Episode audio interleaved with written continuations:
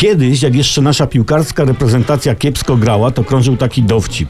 Odbył się mecz Polska-Ronaldo i padł remis 1-1. Dlaczego? Bo Ronaldo dostał na początku drugiej połowy czerwoną kartkę.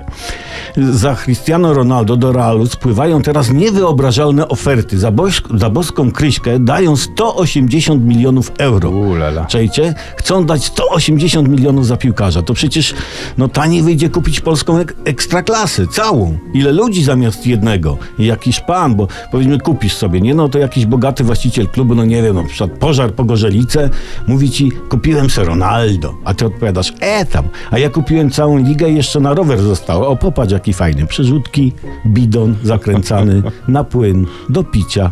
Jak jedziesz, chce ci się pić, pijesz. Taki wynalazek. No,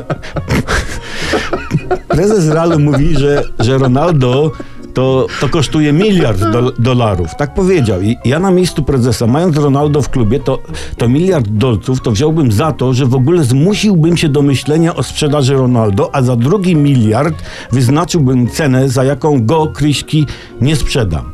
Ktoś mógłby się oburzyć, że tyle szmalcu dają za jednego piłkarza. No fakt, za taką kwotę to można by rozwiązać problem zaopatrzenia Afryki w rowery. No, Czyli bidony. no i w bidony też. Pod warunkiem, że środki trafiłyby bezpośrednio do zainteresowanych, a nie za pośrednictwem organizacji pomocowych, bo wtedy starczyłoby na jeden łańcuch. No tak, mówi się, że pieniądze nie grają. Niby tak. Może pieniądze nie grają, no ale wygrywają.